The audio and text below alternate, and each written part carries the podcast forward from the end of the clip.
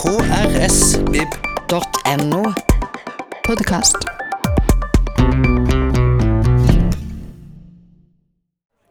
Hei, alle sammen. Godt å se nok en sånn fantastisk eh, Frimlands eh, folkemengde her inne.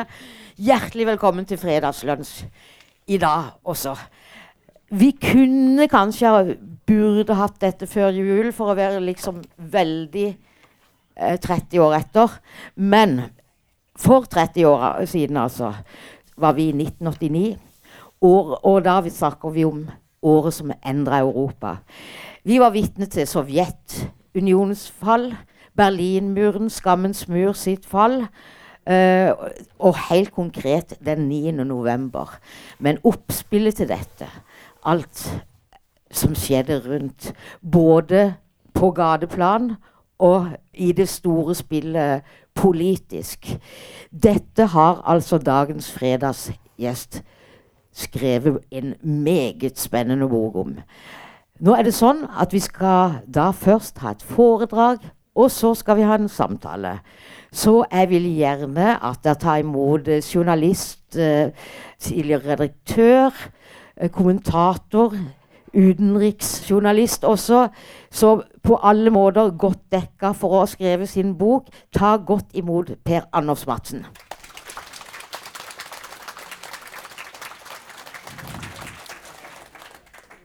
Ja, tusen takk, og tusen takk for invitasjonen. Det er fantastisk eh, oppslutning om eh, arrangementet. Tar jeg ikke helt feil, så er det en del her som også husker en god del om det som skjedde i 1989. Eh, det siste store eh, revolusjonsåret i Europas historie. Eh, jeg har jo da, som Randi sagt, eh, sa, eh, jobbet mye i eh, avis, i det korte avisformatet. Eh, sluttet i Aftenposten for et par år siden. og Etter det så har jeg egentlig holdt på med dette prosjektet mer eller mindre på heltid. Jeg trodde at jeg skulle få med alt om det som skjedde i 1989. når jeg hadde en hel bok til rådighet. Men jeg oppdaget fort at det ikke var så greit. Det skjedde egentlig altfor mye det året. Måtte ta noen dramatiske valg. Eh, da er det godt å ha vært journalist. For er det noe man er vant til som journalist, så er det å redigere og kutte ting ut. Men jeg bestemte meg for å skrive fortellingen om 1989 med det eh, opp mot det store kulminasjonspunktet det året. Det store dramatiske høydepunktet. Og det er selvfølgelig Berlinmurens fall 9. Eh, 9. det høres litt rart ut, men selve Berlinmurens fall kommer jo ikke som resultat av en politisk beslutning. Det er egentlig en misforståelse, hele greia. Eh, det er en kombinasjon av feiltolkninger og feilkommunikasjoner og øh, folkelig press, selvfølgelig. Det kommer jo ikke ut av det blå. Eh, jeg tror det er riktig å si at øh, den friheten som ligger i at Berlinmuren faller, kommer som resultat av at det er østtyske befolkningen som erobrer den friheten. Erobrer den friheten, Det er ikke noe de får gitt i gave. Alle som har sett disse, eh, disse bildene, TV-bildene 9.11. sent på kvelden, hvor portene plutselig går opp og folk strømmer ut uten helt å skjønne hva som har skjedd, det er bilder man ikke eh, glemmer så lett. Og eh, det er dramatiske, livfulle bilder. De er også tilslørende på én måte. I en viss forstand tilslørende. Eh, og med det mener jeg at det er vanskelig å få øye på enkeltpersoner i denne massen av mennesker som strømmer ut. Enkeltpersoners betydning og rolle og hva enkeltpersoner gjorde for at det gikk som det gikk. Og det har vært noe av min ambisjon med denne boken. Det har nettopp vært å trekke fram enkeltpersoner og enkeltpersoners innsats for at det gikk som det gikk 9.11.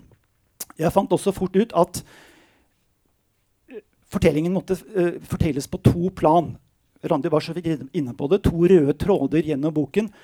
Ene, den ene røde tråden er eh, det storpolitiske rammeverket. Mikhail Gorbatsjov, som kommer til makten i Sovjetunionen noen år eh, tidligere, setter i gang en omfattende reformprosess. Hvilke konsekvenser det har for disse vasallstatene i Øst-Europa. Forholdet til eh, Nato og USA. Det er liksom én stor, eh, en, et, et, en stor brikke i det hele. En rød tråd. Den andre røde tråden er 1989 på bakken. Og i og med at det er Berlinmurens fall jeg fokuserer mot, så er det utviklingen i Øst-Tyskland.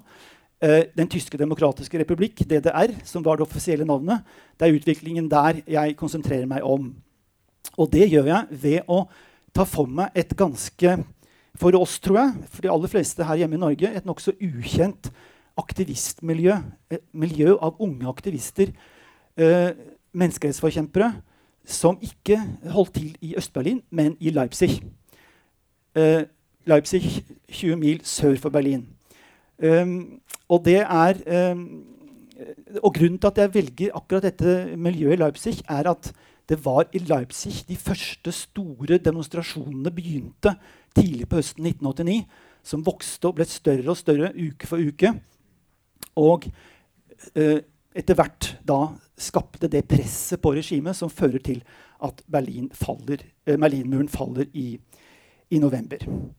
Eh, og i og med at vi nå skal ha en samtale etterpå, så kommer jeg til å være litt kort i dette innledningsforedraget. Og jeg kommer til å si mest om dette miljøet i Leipzig, fordi jeg tror det kanskje er eh, minst kjent for, eh, for, de aller fleste av oss. Og da viser jeg først et bilde fra 15.1.1989. Dette bildet som jeg nå peker på her, det er eh, tatt av en ukjent fotograf Um, det står en ung mann på en mur. Han heter Fred Kovac. Han tilhørte ikke selv denne gruppen av unge aktivister. Men han hadde hørt uh, at rett før denne demonstrasjonen fant sted, så var disse aktivistene som sto bak, og som sto, arrangerte demonstrasjonen, de var blitt forrådt av en tyster som hadde kommet inn i denne gruppen, med den følge at de aller fleste av dem satt fengslet da demonstrasjonen fant sted. En av dem som satt fengslet, ser vi bildet av der nede. Michael Arnold heter han. 25 ehm, år gammel tannlegestudent. Bildet er tatt et halvt år i forveien i forbindelse med en, noe de kalte en minnemarsj for en død elv. DDR, et av de dype, store problemene i DDR var at det var eh, sterkt forurenset i særlig områdene rundt Leipzig. Og det å skape blest om det var en måte disse gruppene prøvde å uh, få oppmerksomhet om hva de ønsket å oppnå, nemlig demokratiske reformer i landet. Og i det inngikk også at man måtte ta disse miljøproblemene på alvor. Så det bildet er altså tatt i juni 88. Uh, på det tidspunkt demonstrasjonen fant sted, eh, 15.1.1989, så satt han som satt fengslet. Det var en demonstrasjon til ære for Rosa Luxemburg og Carl Liebknecht. Noen av dere kjenner kanskje de navnene. Det var pionerer i tysk arbeiderbevegelse som regimet i DDR hadde måte, løftet opp i sitt heltegalleri og de arrangerte store offisielle markeringer for dem. Men denne gruppen aktivister ønsket å arrangere en uavhengig og dermed også ulovlig demonstrasjon. Og det er det som skjer på det bildet over. Etter at eh, Fred har holdt denne appellen, så hopper han ned, og så er det en liten marsj med 700-800 mennesker gjennom Leipzigs gater denne dagen. Det høres ikke mye ut, men det er den største demonstrasjonen i DDR på år og dag. Det som skjer i Leipzig den januardagen. Uh, og Det medførte da at regimet og sikkerhetspolitiet rettet sine øyne mot det som skjedde, skjedde i, denne, i, denne, byen. Jeg nevnte dette med enkeltpersoners betydning. Og en enkeltperson jeg skriver ganske mye om, det er han dere ser bildet her. Kristoff Wonneberger, 43 år gammel prest, som eh, på dette bildet tenner lys for noen fengslede fengslede aktivister. Det er tatt på høstparten 1989 tatt i hans egen kirke i, i Leipzig. Han hadde vært eh, freds- og menneskerettsaktivist i mange år. Eh, reist mye til Polen, som var et samfunn som han opplevde som ganske annerledes enn Øst-Tyskland. Vi husker fagbevegelsens solidaritet, som hadde utfordret regimet gjennom hele 80-tallet, med Lech Walesa i spissen. Den katolske kirken, ikke minst, som hadde en enorm hva skal jeg si, ideologisk motkraft mot kommunistregimet i Polen. Noe sånt eksisterte ikke i DDR. Wonneberger reiste mye til Polen og mottok impulser fra det landet som han da prøvde å øh, ta med seg i sitt freds- og menneskerettsarbeid i, i Øst-Tyskland. Han kom til Leipzig i 1985. Og der hadde det allerede blitt dratt i gang noen sånne mandagsbønner, eller fredsbønner, hver mandag, som rettet seg mot opprustning både i øst og vest. Uh, det var en veldig sped oppslutning om disse bønnene. Det var, kunne være en del syv-åtte mennesker. Uh, av og til litt mer. Men da Wonneberger overtok ansvaret for dem i 1987, så klarte han både å skape en større oppslutning om dem, og han gjorde dem mye mer politiske. Med et skarpere brodd mot, mot regimet. Uh, med den følge at han kom på kant selvfølgelig med sikkerhetspoliti og regime, men han kom også på kant med kirkens egne ledere. Og grunnen til det var at Kirken og regimet hadde inngått et slags kompromiss, et slags borgerfred, noen år tidligere, som gikk ut på at Kirken ikke skulle utfordre eh, kommunistpartiets makt i samfunnet. Eh, det måtte på en måte aksepteres, men til gjengjeld fikk da Kirken en viss grad av indre selvstyre. De fikk lov til å utgi noen religiøse publikasjoner, det var noen religiøse radiosendinger, eh, det var noen utdanningsinstitusjoner hvor man kunne utdanne prester. Dette fikk Kirken lov til å holde på med Eh, så sant de gikk, gikk for langt og utfordret regimet. Med den følge at lederne i kirken var veldig opptatt av å beholde dette, ikke risikere for mye. For da var de redd for å miste disse privilegiene sine. Så var det altså enkeltprester à la Wonneberger som aldri avfant seg med den indre, med den indre selvsensuren må man si, som, som, lå i dette kompromisset. Og han utfordret da eh, både, både eh, regimet og sine egne ledere ved å eh, holde med politiserte prekener, invitere folk som hadde fått yrkesforbud i det der, til å holde konserter og sånn i sin kirke. Så han balanserte hele tiden på en stram line, han også, og ble til en viss grad beskyttet av dette uh, kompromisset, fordi regimet hadde tross alt en høy terskel mot det å aksjonere mot, mot, uh, mot, prester. Og han ga viktig hjelp og beskyttelse til disse unge aktivistene som jeg nettopp uh, snakket om, og som holdt disse demonstrasjonene. Han ga, hjalp dem med trykkeutstyr når de skulle lage løpestedler. Han inviterte dem til menighetshus hvor de kunne holde sine møter uten å risikere å bli uh, arrestert. En veldig viktig person i, i, Leipzig, og dermed også for det som skjedde videre utover, utover eh, høsten. Så litt om det, den andre røde tråden, det store politiske spillet. Dere kjenner igjen George Bush. Han var blitt valgt til president eh, høsten 88 overtok Det hvite hus i 1989, hadde vært Reagans visepresident i åtte år. Og alle trodde at han ville videreføre det som etter hvert var blitt Reagans atomnedrustningspolitikk og tøværspolitikk overfor Moskva. Reagan hadde stilte sterke forhåpninger til Mikhail Gorbatsjov, som var kommet til makten i 1985, og var veldig innstilt på å, uh, på å uh, få til en tilnærming med Sovjetunionen. Bush følger ikke opp dette, overraskende nok. Han vil ha et nytt team inn i Det hvite hus. Nære rådgivere som var måte, skeptisk. Kan man egentlig stole på uh, Gorbatsjov? Og han sa det rett ut da han overtok i januar. Den kalde krigen er ikke over. Gorbatsjov hadde erklært den kalde krigen er over. Bush var ikke enig i det.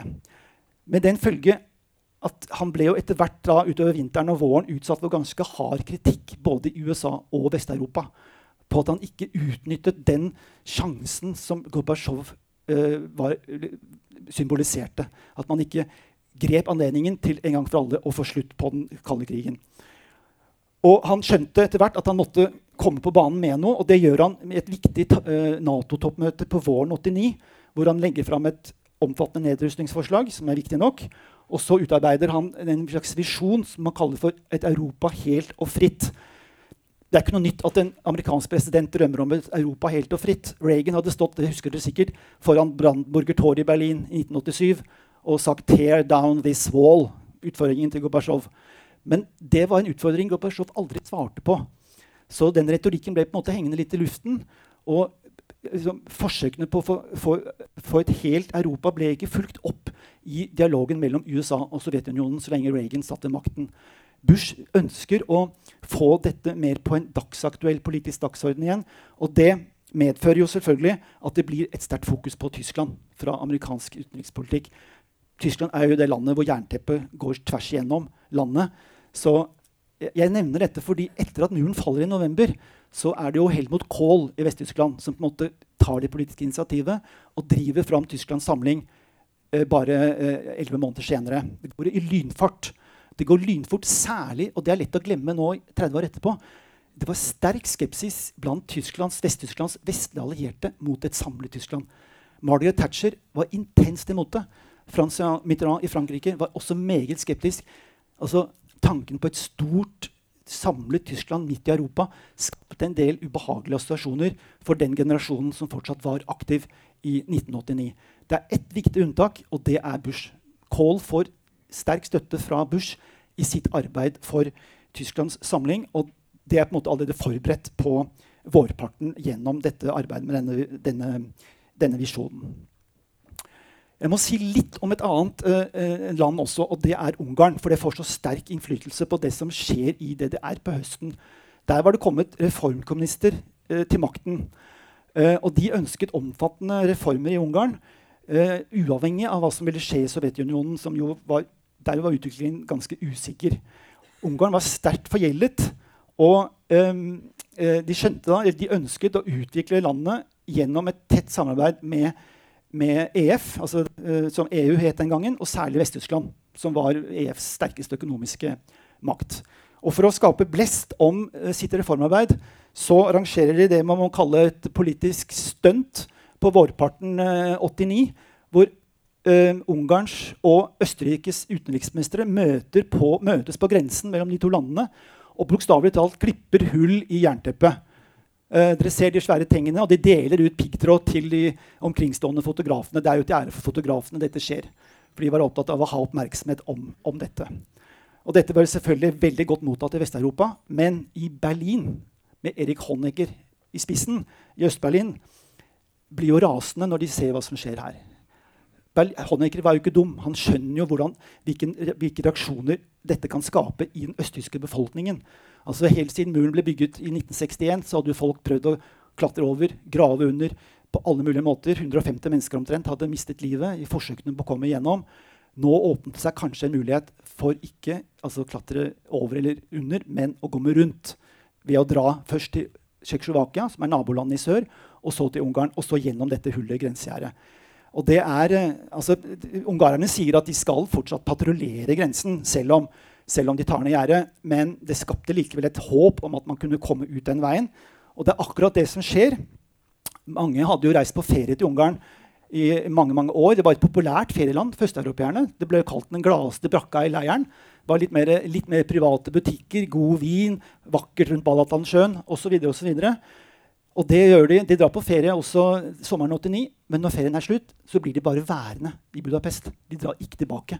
Og Det skaper jo etter hvert et voldsomt press på ungarerne. Hva gjør man med 100 000 østtyskere som bare camper på gatene i Budapest og i andre, i andre byer? Uh, uh, Regimet i Berlin ville jo ha dem tilbake, men det ville ikke, uh, ville ikke den ungarske regjering gå med på. For de skjønte hvilken skjebne de da ville, ville, la, da ville lide.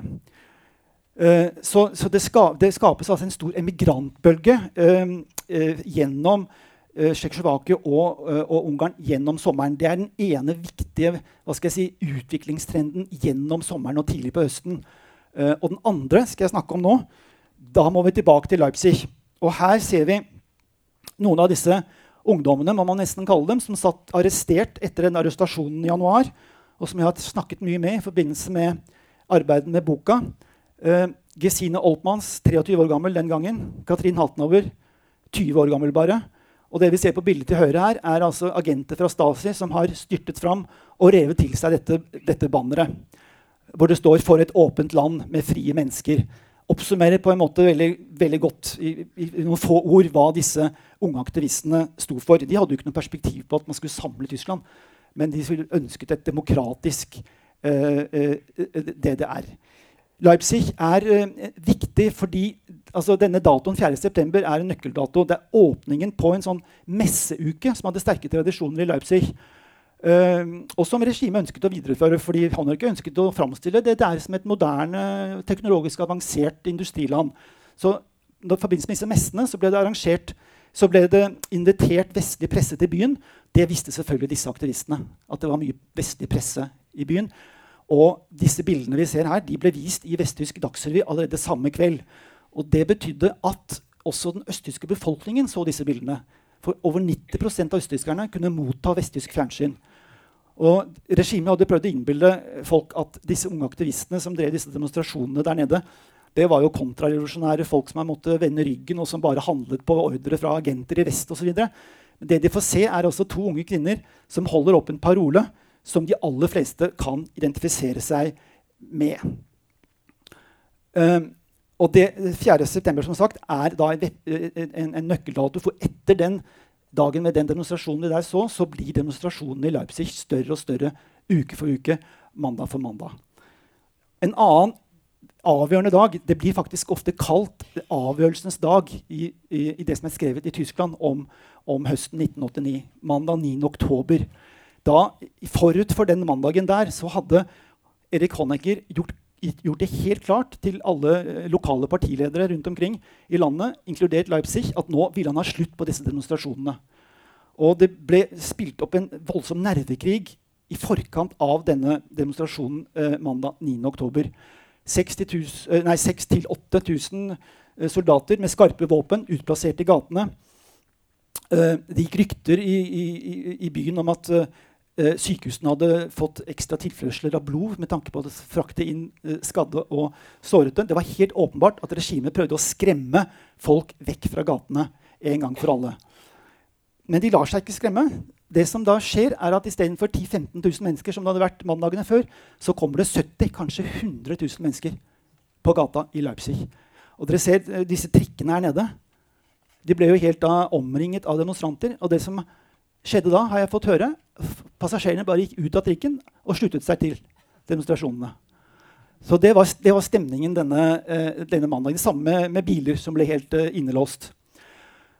Og det som da er det helt avgjørende, er at regimet skjønner at det er mulig å rydde gatene selv om det er så mange mennesker her, men det vil kreve veldig mye vold. Sånn at når de nærmer seg det kritiske punktet hvor de fleste soldatene er utplassert, så tas det en beslutning lokalt i Leipzig, og den går ut på at de ikke åpner ild. Så det er på en måte opposisjonen og regimet som stirrer hverandre i hvitøyet, og så er det regimet som blunker, blunker først. Dette blir kalt avgjørelsens dag fordi regimet egentlig aldri kommer ordentlig på offensiven igjen etter denne dagen.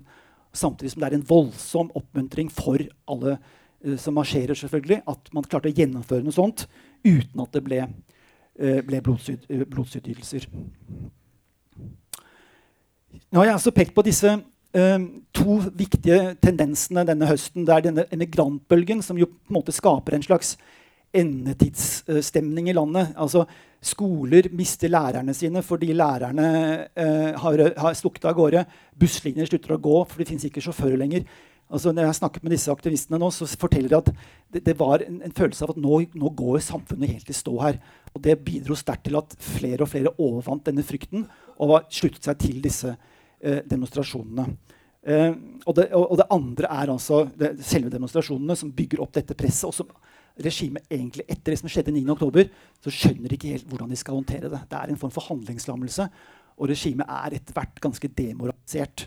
Eh, uh, men til tross for det så er det mange som mener at det er et mysterium at, at det kan gå så fort. At det, disse demonstrasjonene vokser bare fra noen få hundre til titusener bare på noen få uker. Så jeg har funnet et sitat fra den kjente franske eh, samfunnsteoretiker og historiker Alexis de Tocqueville, som jeg tror fanger opp mye av mentaliteten Eh, nemlig ondskapen som menneskene tålmodig utholder fordi den synes uunngåelig, blir ikke til å bære i det øyeblikk dens avskaffelse synes tenkelig. Og det, det, tror jeg fanger opp mye av stemningen. Altså, de visste jo, Østtyskerne visste jo hva som skjedde i Polen. De visste hva som skjedde i Ungarn. De kjente til Gorbatsjovs uh, uh, reformpolitikk. Det virket virkelig helt usannsynlig at det ikke på et eller annet tidspunkt også ville skje noe i DDR, selv om regimet var så ortodoks som det var. Så jeg tror at den mentaliteten, den holdningen, stemningen der bidro også sterkt til å, at folk overvant frykten og bare sluttet seg til disse enorme uh, demonstrasjonene. Jeg har bare lyst til å vise dere hvordan, eh, hvordan disse eh, menneskerettsforkjemperne som spilte en så avgjørende rolle i denne kritiske fasen eh, på høsten, eh, hvordan de ser ut i dag, eh, og hvordan de så ut da jeg traff dem for halvannet år siden. blir det noe nå. Disse to unge kvinnene som holdt dette banneret, ser vi her. Gesine Oltmanns. Hun leder i dag en stiftelse nede i Leipzig som kalles for Stiftung Friedliche Revolution. En stiftelse som prøver å løfte arven og verdiene fra 1989. Eh, med vekt på ikke-vold, eh, brobygging, dialogarbeid osv. Så, videre. så hennes arbeid er på en måte en direkte forlengelse av det hun var med på den gangen. Eh, Katrin Hattenauer, eh, som var bare 20 år gammel den gangen, hun er kunstner og har gjort eh, sivil ulydighet til si, til grunntema i sitt kunstneriske virke. Ulike typer installasjoner. Har samarbeidet mye med menneskerettsforkjempere i Kina blant annet, de, siste, de siste årene. Uh, Ove Svabe, som jeg ikke har nevnt så mye om uh, hittil, men som var en veldig sentral person i det samme miljøet. Det var han som stiftet den gruppen som disse her var medlemmer av. Uh, han arbeider i dag på et samtidshistorisk museum i Leipzig og forvalter på mange måter en del av den historien som han selv er en levende del av. Og Michael Arnold, som altså sto bak denne demonstrasjonen i januar, som jeg begynte med å snakke om, han fikk fullført sine uh, tannlegestudier og, arbeider i dag som tannlege i, i, i, Dresden. Og i midten her, Christoph Wonnenberger, denne presten som jeg fortalte om, og som var en sånn stor inspirasjonskilde bl.a. for disse eh, unge aktivistene, som jo var i 20-årene den gangen. Han er 3-74 år gammel i dag, pensjonist. Eh, men fortsatt en aktiv, eh, aktiv freds, eh, fredsaktivist. Ja, dette er vel noe vi kanskje kommer til å komme litt inn på etterpå i samtalen, Randi. Men bare helt kort så har jeg lyst til å bare nevne dette med visjonene for, som forsvant. Med det mener jeg altså Disse aktivistene og også reformkommunistene i Ungarn hadde jo en slags visjon etter at muren var falt, om et helt nytt Europa. Hvor både Warszawapakten og Nato forsvant opparbeide eller utvikle felles politiske institusjoner på tvers av det gamle øst-vest-skillet. Demilitarisering av Sentral-Europa osv. Dette er jo visjoner som, som uh, ikke har overlevd. Uh, og man kan spørre hvorfor det. Vel, som jeg nevnte, det er to politikere som virkelig liksom, er de som driver utviklingen fram gjennom 1990 og fram til Tysklands samling. Og det er Helmut Kohl og, og George Bush. Og det er jo politiske ledere som ikke delte den type, uh, den type visjoner. Uh, og uh, Noe av grunnen til det er jo, er jo må jeg si, knyttet tror jeg, til utviklingen i Sovjetunionen. Den enorme usikkerheten som, var, uh, preg, som preget situasjonen i Sovjetunionen i 1989. Uh, Gorbatsjovs perestrojka-politikk var på det tidspunkt kommet i dyp krise. Og enda verre ble det jo i, i 1990, før det rakner helt i 1991. Um, ja, et, James Baker var altså Bush utenriksminister i, i i 1989, og han har skrevet i sin selvbiografi nesten alt vi oppnådde av suksess, sådde også frø til fremtidige problemer.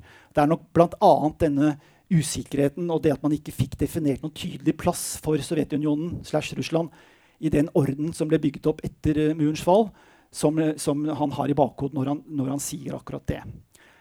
Så Det er litt, litt trist likevel å, å, slutte med såpass uh, si, tvetydige formuleringer. Så la meg helt til slutt, før vi nå over til samtalen, sitere en britisk historiker, historiker, som heter Timothy Ash, og som var veldig aktiv, veldig fulgte utviklingen på, på, fra Orkesterplass i 1989.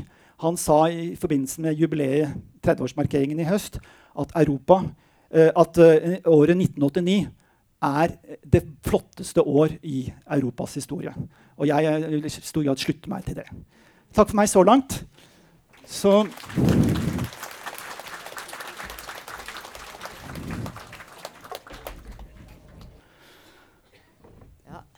Skal vi se Har du meg med her nå? Ja. Uh, ta takk for veldig interessant foredrag der. Og, altså, eller la oss begynne med det veldig fint. Altså, det, dette her førte jo til i Europa, ja, i, i verden for øvrig også, til en enorm optimisme og fremtidshåp i 1989. Mm. Det prega vel Heil, hele bildet, det. Ja, ja, altså Alle skjønte jo da muren faller i november, at nå er en epokeslutt. Uh, det er etterkrigstiden som, som, er over, egentlig. Den kalde krigen er slutt.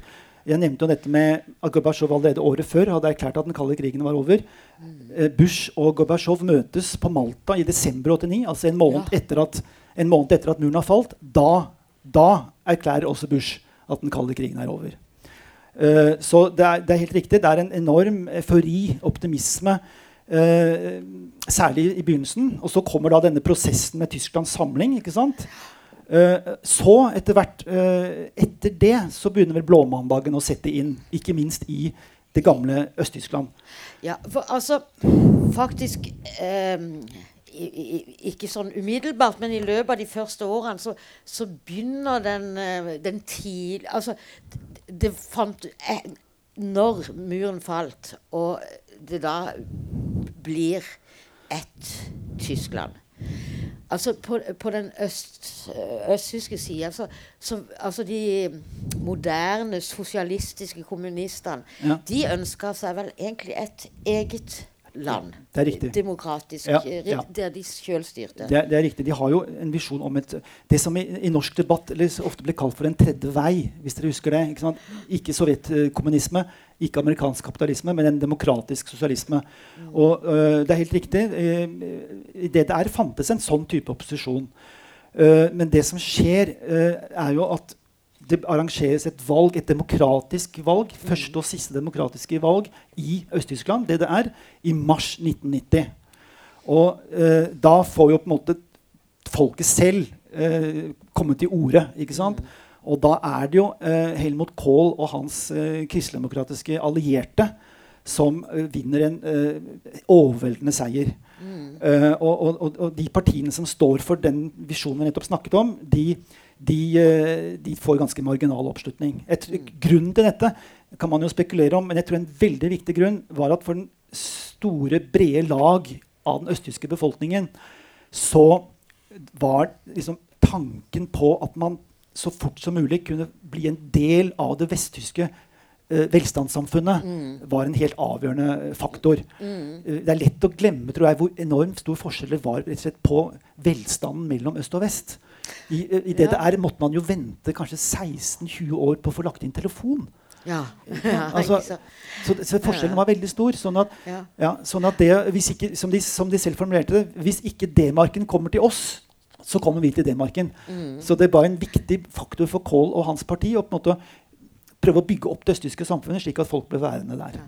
Bokstavelig talt, så den, den 9. november, så, så kom jo eh, de østtyske borgerne til det marken da med at de, de, alle som kom over på vestsida, kunne gå i banken og ta ut 100 Stemmer. De fikk 100, 100 D-mark i såkalte velkomstpenger. Ja. Men det var en ordning som, som uh, den vesttyske myndigheten måtte avvikle allerede i desember 89. For det, det var kommet så mange at det hadde da kommet opp i 4-5 milliarder D-mark. eller noe sånt, Så de hadde bare ikke råd til å fortsette med dette. Det var jo aldri, det var jo aldri myntet på en sånn situasjon ikke sant? hvor det kom så mange mennesker.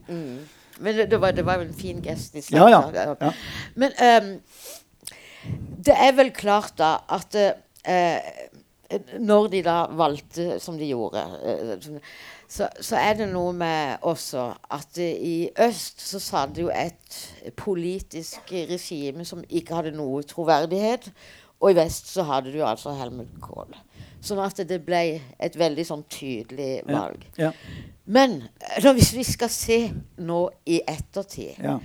så er jo spør hvordan var det egentlig mulig at For altså For å si det sånn Hva endret seg etter murens fall? Jo, i vest postnumrene. Eller så har alle andre endringer foregått i øst. Altså, Ja. dette er jo virkelig en sånn ting som, som har ligget der i disse årene siden. ja. Det ble det vestlige Ja. demokratiet. Ja, det er riktig. Uh, det, det, det kan ikke gå inn på detaljene, men det var, jo, en- det var jo en hodepine for Kohl også. Hvordan skal egentlig samlingen finne sted? Hvor, hva, på en måte det institusjonelle rammeverket rundt det. Uh, Vest-Tyskland var jo i prinsippet en midlertidig stat. fordi da republikken ble etablert i eh, 49, så hadde man en tanke om på et eller annet tidspunkt hvor jo Tyskland samles igjen. Altså Vest-Tyskland hadde ikke egentlig en grunnlov. De hadde noe som ble kalt for eh, eh, ja, Det ble kalt bare den, den grunnleggende loven, liksom, altså for å markere at det er midlertidig. Og Det var også foreskrevet hvordan en eventuell samling skulle kunne finne sted. Lage en ny grunnlov, starte helt fra scratch. Kohl fant en annen måte å gjøre det på.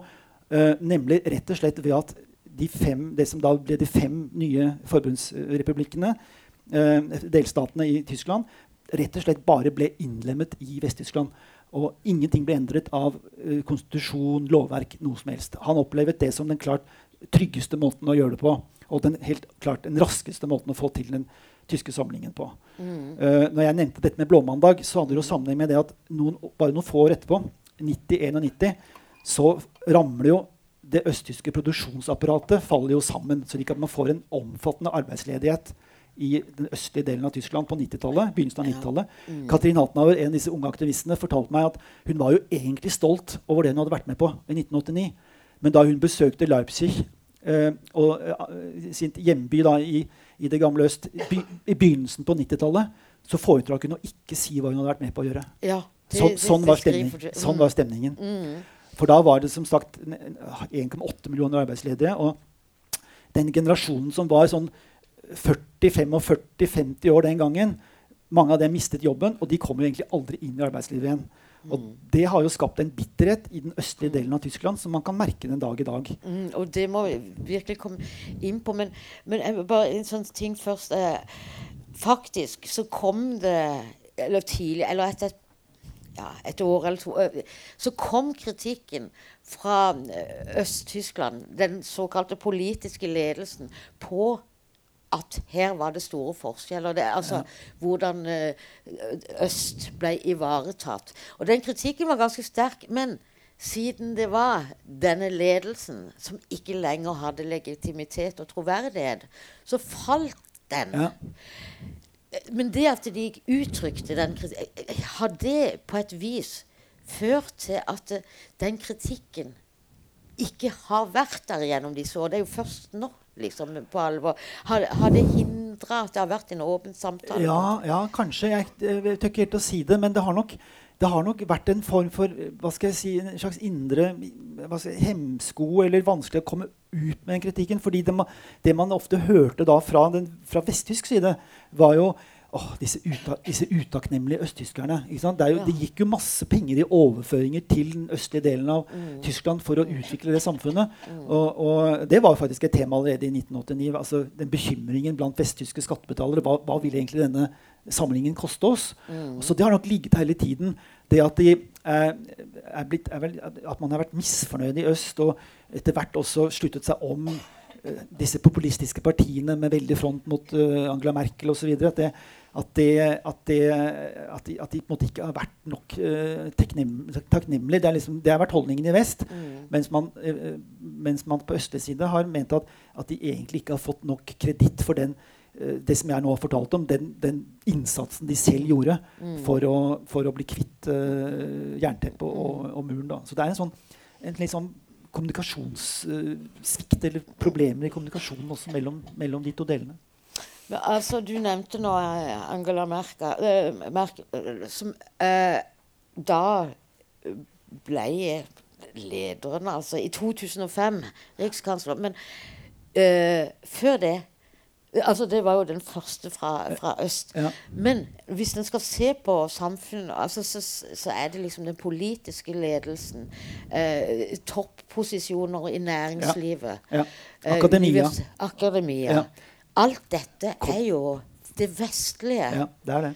Og det, det, man skal ikke oppholde seg lenge i Leipzig og andre byer i, i, i det gamle eh, det der før man merker den, den bitterheten som egentlig De liksom føler seg liksom overtatt, altså. Ja. Uh, og det er jo ikke bare altså, det det er, Man kan jo si mye om det samfunnet, selvfølgelig, og, og jeg tror de færreste egentlig vil, vil tilbake til det. Eh, selv om noen vil jo. jo, det kan, De sier at alt var bedre før, men jeg mener hvis de virkelig fikk muligheten til å reise tilbake, så tviler jeg på at veldig mange ville gjort det. altså.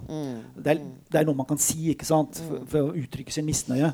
Men uh, om de virkelig ville gjort det, det, det har, jeg nok, uh, har jeg nok tvil om. Men, eh, men det er klart, det, en, hvis man ikke, hvis man aksepterte at det er sånn samfunnet var, så var det jo et trygt samfunn på mange måter. Man ble liksom fulgt fra vogge til grav. Det var, det var, Løpet var lagt. Løpet var lagt. Det var få vanskelige valg du måtte ta. ikke sant? Så, så, og det er klart at den siden av det samfunnet er, bidro jo til å skape en form for identitet også i, i den befolkningen. Og, og det, det er nok noe som ikke har det, det er nok noe de føler ble bare valset over uh, i forbindelse med denne veldig raske samlingsprosessen. Så er det vel også noe hvis en eh, rett og slett ser på skoleverket uh, og den pedagogiske oppdragelsen, så har det vel også vært sånn da at uh, skrekkeksempelet blir liksom dette regimet Ja. som Øst-Tyskland sto for. Det blir nevnt som et sånn Sånn skal vi Dette skal aldri mer skje igjen. Og samtidig så løftes da vest, den vesttyske demokratiske egentlig seierherren som gikk fra ruiner i andre verdenskrig til å ha blitt en økonomisk suksess og demokratisk suksess som har, med EU og Nato. Altså, Ja. det er vel også Altså, man blir vokst opp til en sånn mindreverdighetskompleks. ja, ja. Og eh, no, noen av disse aktivistene jeg har hatt mye kontakt med, var jo så, er jo så litt redde for at den bitterheten som ligger i den eldre generasjonen, som jeg nevnte, som, aldri, som mistet jobben og aldri kom inn igjen, som nå er på en måte besteforeldregenerasjonen, da, at de eh, står i fare for å overføre noe av den bitterheten til sine barnebarn. Mm. Slik, at det, slik, slik, at det, kommer en ny generasjon som mm. har noe av den samme bitterheten eh, i seg. Mm. Jeg, jeg, vet ikke helt om det er riktig, uh, men, men, det ble sagt som en bekymring. Uh, men jeg tror f.eks. i en by som Berlin det er sikkert mange som har vært i Berlin mange ganger. og der, en sånn by som Berlin, der tror jeg nok at nå skillet mellom de som kommer fra det gamle øst og det gamle vest, er i ferd med å, mm. å viskes ut blant, blant, hvert fall blant de unge. Altså. Men blant de unge også, så er det vel også blitt de som er for, altså, dette DDR med Stasi Hvert syvende, hvert syvende menneske nærmest overvåka noen, eller var i kontakt med. Ja. Eh, disse unge begynner vel, har også begynt å spørre litt mer. Hvem var du? Ja, hvem var hva du? gjorde du? Ja, ja da. Og eh, som Mm. Hva, hva, hva, skjedde eh, ja, Det var jo ikke noe De aller fleste av disse mer, mer eller mindre menige offiserene for Stasi det, det, ble aldri noe rettsapparat, rettsoppgjør med, med dem. Så de, de, fikk en ganske vanskelig tilværelse etterpå. Gikk ofte inn i arbeidsledighet og sånn. Men, men, eh, men, men det at de ikke det var aldri noe sånn generaloppgjør med, mm. med, den, det, med det, overvåkningsapparatet. Det, mm. og akkurat det har jo sikkert skapt grobunn også for den type mistenksomhet som du, som du nevner der. Altså. Ja, og altså at nå finnes det en del bitre, sinte østtyskere, ja, hvis jeg kan kalle det det, mm. og, og som rett og slett misfornøyd med systemet, og, og, og, nå som har skapt grobunn nå ja for folk som tilhørte den veldig sosialistiske røde sida, er nå gått over til det høyrepopulistiske. Ja, og det, det, ser man jo veldig tydelig ved alle valg nå i Tyskland. ikke sant? Ja. Hvordan oppslutningen om dette høyrepopulistiske AFD, Alternativ for Tyskland, der følger jo, du kan, du kan nesten kilometer for kilometer følge den gamle grensen mellom Øst- og Vest-Tyskland. Mm. Og med betydelig da, større oppslutning på, uh, på østlig side. Mm. Uh, og det er selvfølgelig sammensatt, men, uh, men noe av dette henger sammen med akkurat de tingene vi snakker om nå. Altså. Mm. At, at det, den type protestparti er, det er skapt brobunn for det. I og med at denne samlingen på en måte fortsatt ikke er helt fullendt. Men kan man også si altså, jeg, jeg, nevnte jo det at de prøvde tidlig å rette en kritikk mot at det vestlige bare ble overført til det mm. østlige. Men, men er, er, det en slags bevegelse? Er det i ferd med å komme nå en åpen både kritikk, men også en form for samtale? Ja, det, det er en samtale. Ikke minst nå i forbindelse med 30-årsmarkeringen i høst, så var det eh, historikere blant annet, som kom opp med dette, om ikke, om ikke selve samlingsprosessen Hvis det hadde skjedd på en litt annen måte, så kunne man kanskje skapt bedre grobunn for likeverd mellom øst og vest. Mm. Altså at man Istedenfor at det ble en sånn anneksjon, egentlig, at, man, at det var måte, to selvstendige land som litt langsommere vokste sammen. Mm. Det, jeg, jeg, vet ærlig talt ikke helt hvor stor forskjell det ville gjort. Det blir jo litt sånn på litt sånn symbolpolitikknivå, egentlig. Men det er en del som mener at det ville gjort, gjort en forskjell. også. Men jeg, det, som sagt, det er litt, litt lett sånn å moralisere hvis man ser tilbake. Hvorfor gikk som det gikk? Og jeg, jeg har egentlig stor forståelse for at det store flertall i den østtyske befolkningen og Det viste seg ved et valg i mars, som jeg snakket om. Mm. At det var måtte, ønske om å måtte, få et bedre liv, også mm. rent materielt, altså, mm. som lå til grunn for at, uh, at Kohl uh, oppnådde den store, mm. store opp, uh, støtten. Og så så man ikke tydelig nok det som ville komme noen år etterpå, da hele det østtyske produksjonsapparatet mer eller mindre faller i hop, faller sammen, ja. det så man ikke tydelig nok den, eh, den gangen. Nei. Nei, men altså, det, og at det kollapser der. Og, men så er det jo også det som jeg sier, altså at alle sånne toppstillinger og betydningsfulle ja. det, det, tilhører uh, den ja. vestlige delen. Altså, så det, det, ligger jo et mindreverdighetskompleks ja. her som kanskje burde vært fremheva. Hvis jeg kan tenke frem hvis vi først snakker om aktualitetsperspektivet for i dag, så er det kanskje et annet poeng som jeg har lyst til å nevne, og som ikke har så direkte med Tyskland å gjøre, men, men, som jeg tror er ganske viktig for å forstå det som skjer i land som Polen og Ungarn, hvor man også ser disse høyrepopulistiske kreftene mm. vinne fram. Og det, Der er det etter mitt syn en ganske direkte forbindelse til 1989.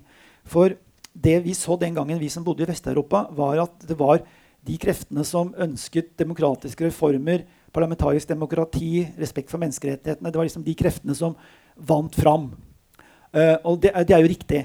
Uh, og uh, det er helt opplagt at regimene i disse landene hadde svak oppslutning, var forhatte i befolkningen fordi de ikke respekterte de elementære demokratiske spilleregler. At de var autoritære og ensrettende samfunn, de, regimer. Men det er en, også en annen grunn som jeg tror er med på å forklare hvorfor disse regimene var så uglesett. Og det var at de sto for styresett som var importert utenfra. Altså, det var jo den sovjetiske modellen som var blitt påtvunget land som Ungarn, Polen, Tsjekkoslovakia. Mm. Helt fra 1945 og Stalins behov for å skape en sikkerhetssone i Europa for å hindre nye angrep fra Vesten. ikke sant? Og det poenget der at det, det, det betyr også at det, disse revolusjonene vi nå snakket om, som skjer høsten 89, når disse regimene faller som, faller som brikker det ene etter det andre, det var også nasjonale reisninger. Det var ikke bare kamp for demokrati og menneskerettigheter og bli som Vesten, men det var nasjonale reisninger. At man ble kvitt dette systemet som var påført dem østfra.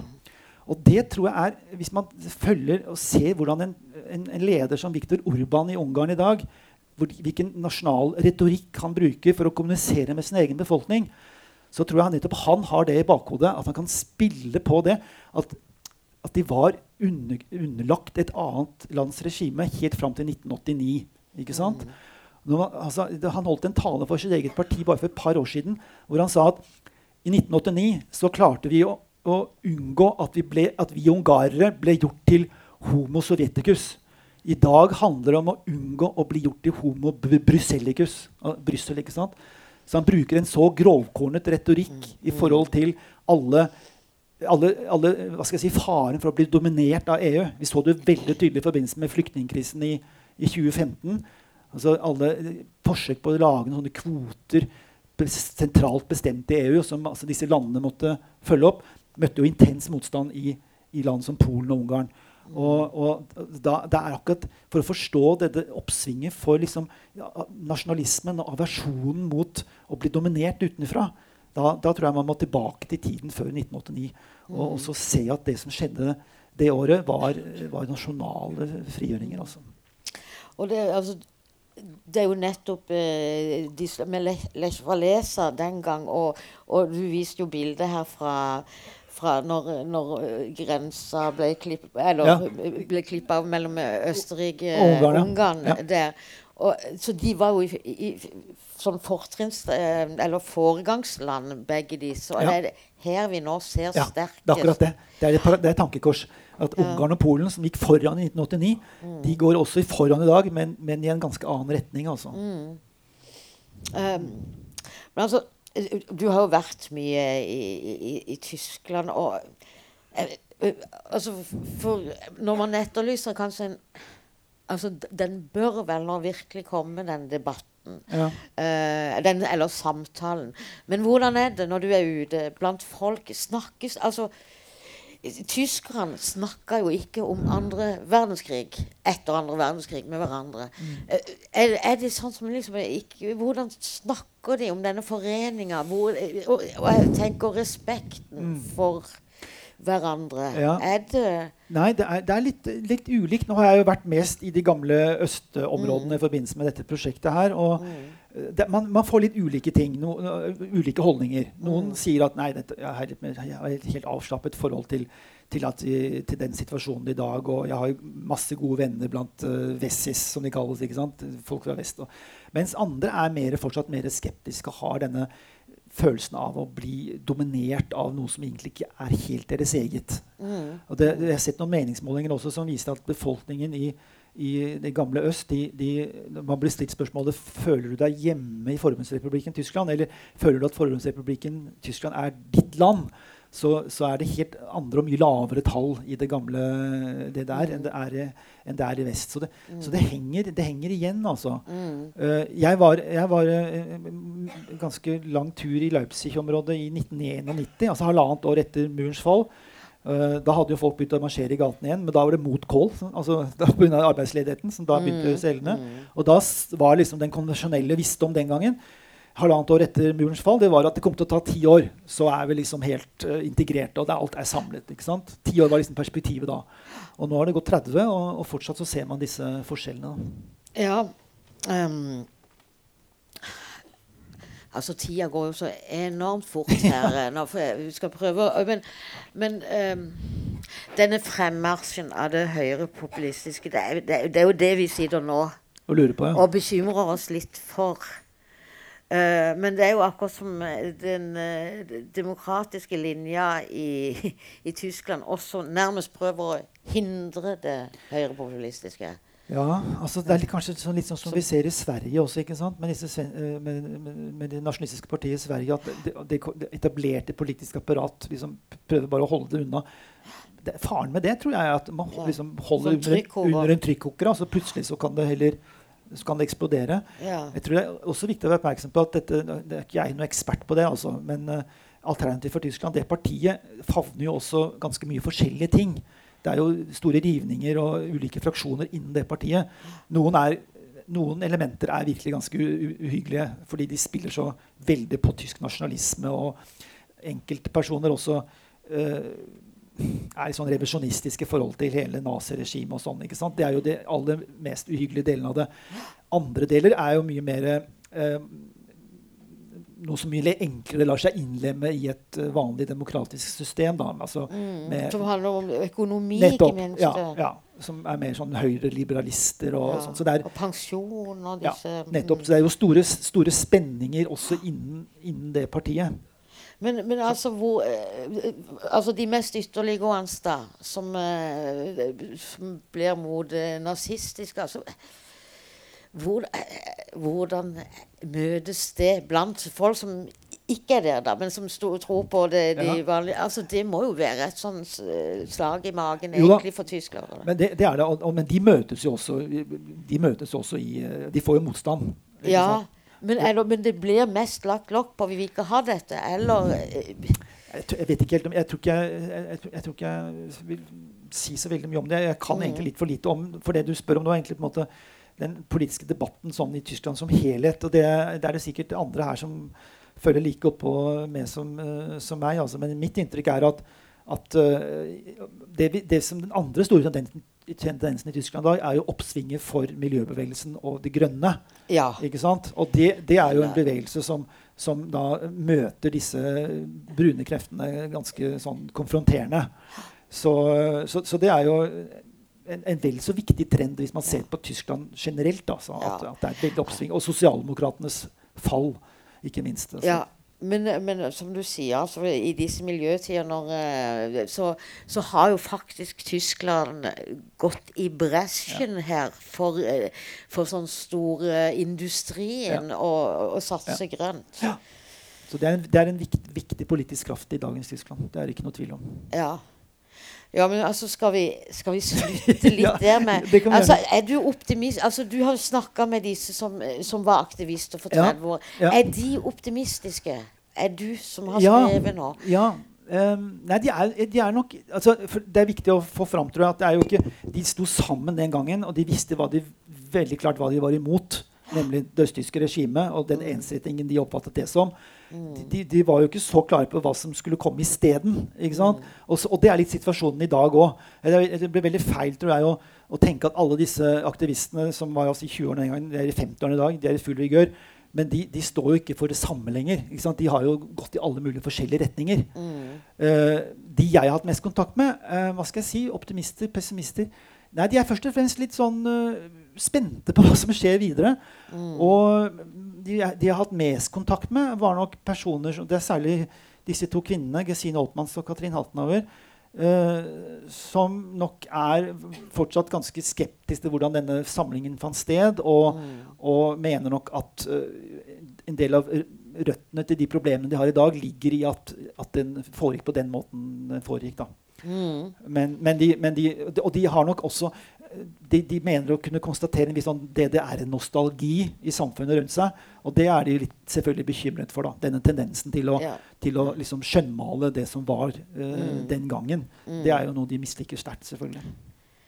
De hadde sin drøm og fikk, skriver du, en tvetydig arv. Ja, Det er litt der. Men, men vi, vi, vi, nå tenker vi optimisme. Kanskje eh, Tyskland kan få en sånn Greta Thunberg. Hun trenger noen arvtakere, sier hun, for hun skal på skolen.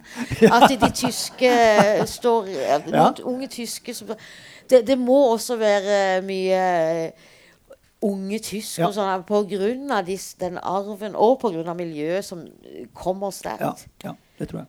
Ja.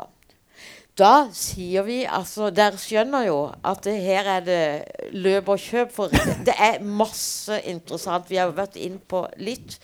Men det er en meget spennende bok eh, du har skrevet. Jeg, takk for at dere kom.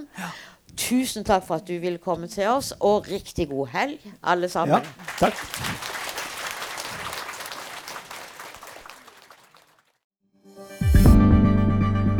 Flere podkaster fra oss finner du på Google Podkast, Apple Podkast eller iTunes, eller ved å stikke innom vår hjemmeside på krsbib.no.